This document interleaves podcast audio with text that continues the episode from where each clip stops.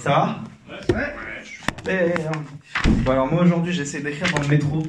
C'est chiant d'écrire dans le métro. Ça bouge, t'écris trop grand, t'arrives plus à te relire, les gens font aucun effort pour te laisser écrire. C'est insupportable. Donc moi je vais vous parler des 30 ans. Euh, qui a 30 ans dans la salle? Cool, cool. Bon, moi j'en ai 29, je les ai pas encore fait. Euh, qui trouve que j'ai un peu de bide par euh, applaudissement Ok, bon. Applaudissements ou lever la main? Comme vous voulez, comme vous voulez. Moi, je trouve que c'est euh, bon, c'est bien un peu de retenue, c'est sympa. Euh, moi, depuis que donc depuis que je me rapproche de la fontaine et que je commence à avoir un peu de bide, c'est un peu bizarre pour moi. Enfin, même ma vie est un peu différente. Maintenant, quand je regarde une fille, j'ai l'impression d'avoir un regard de pervers. Ah, quand c'est un beau gosse qui, qui est qui est baraqué, quand il regarde une fille, bah, c'est normal. Quand t'as du bide et que tu regardes une nana, bah, non. Les gens ont peur, et même moi j'ai peur de moi. Euh, et c'est c'est perturbant parce que ça, ça a tout cassé avec ma soeur. Et euh, mais je suis plutôt rassuré par rapport à la crise des 30 ans. Parce que je suis. Je réfléchis beaucoup, je suis toujours en anticipation. Et du coup, ma crise de 30 ans, en fait, je l'ai déjà faite entre 26 et 28 ans. Donc là, je suis tranquille. Donc pour la trentaine, je penserais plus à la quarantaine. Du coup, euh, j'ai emménagé avec ma copine, on a pris un appart. Je l'ai quitté. J'ai changé de job. J'essaie de faire du stand-up. Donc j'ai la checklist. Tout va bien. Euh, mais ce qui change pour moi avec cet âge, pour moi, aujourd'hui je vois ça comme de la maturité, mais ça ne l'est pas. Euh, c'est en fait surtout comment j'appréhende les relations amoureuses. Du coup, j'ai eu ma période Tinder, mais ça c'est passé. Euh, et là maintenant, je suis sur plusieurs applications en même temps. Puisque Tinder c'est vraiment un repère de taré. Donc il y a plein d'autres applications qui sont nettement meilleures. Moi je trouvais ça très drôle, personnellement. Ok. Mais en plus, dès que tu installes une autre application que Tinder, tu as plein de pubs sur ton téléphone, sur Facebook, sur Instagram, qui vont te proposer d'autres applications. Et moi, je vois un truc qui dit Hey, installe cette application, tu vas pécho? Je dis oui. Après, tu as d'autres applications qui disent Installe cette application, tu vas te marier? Je dis non. Et, euh, et en fait, je me suis rendu compte il n'y a pas longtemps que euh, c'est, je pense que j'abuse sur ces applications de rencontre parce que c'est devenu trop naturel pour moi d'en installer une, de créer mon profil. En fait, la dernière fois, je l'ai fait, j'étais au bar avec un pote et, je l'ai fait, il s'en est même pas rendu compte devant lui. Donc j'étais comme euh, quand on écrivait des SMS sur les 3310.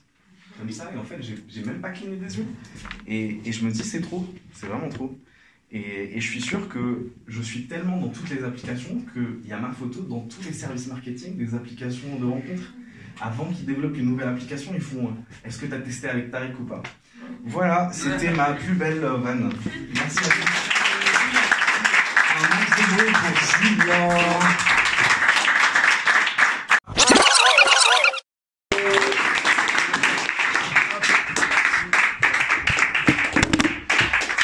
Yo. Euh, quand j'étais petit, euh, je rêvais d'être euh, artiste. Et quand j'étais ado, je voulais être acteur porno. Euh, sauf que par absence de talent, de travail et de chance, ça s'est pas fait.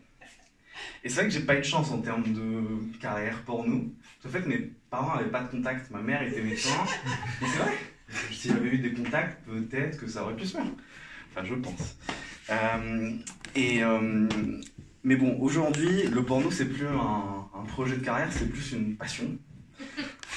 Comme pour tout le monde, je pense. Euh, et, euh, et en fait, j'aime tellement le porno que quand je voyage et que je passe euh, une semaine loin et que enfin, je, je m'amuse, le jour du retour, la seule chose à laquelle je pense, c'est toutes les nouvelles vidéos qu'il y aura. Mais c'est tellement bien. La vie est différente.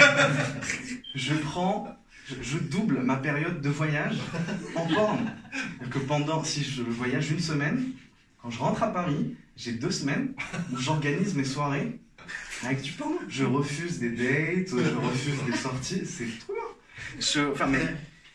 Ça, ça vient pas seul.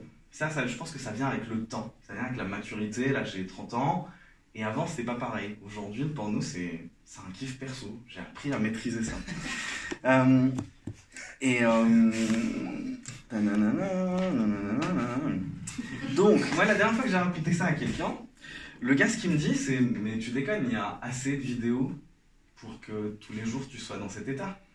Sauf qu'avec la maturité, on devient fidèle. Moi, j'ai mes habitudes. j'ai mes habitués. J'ai mes chouchous, chouchoutes, et mes chouchous en vrai aussi. Et ça aussi, ça, ça vient avec le temps. Et, et, et du coup, euh, il y en avait, il y a une vanne que j'ai sodomisée, c'est rien. Euh, ta, ta, ta, ta.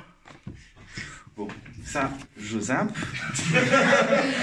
voilà. Et donc, euh, transition porno, euh, sexe, vie sexuelle. Qui aime bien faire des trucs un peu différents à partir d'un certain âge Je pense qu'on aime bien essayer de changer, de sortir de routine.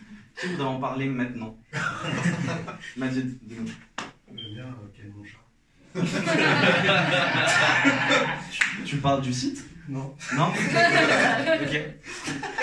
Et, et ça fait longtemps Non Ok. Euh, moi, justement, avec le temps, je me suis. J'ai une sorte de jeu sexuel que je me suis inventé. Enfin, enfin je sais pas, c'est un truc perso. C'est qu'en fait, le, je, je me mets une musique euh, où il y a un rythme.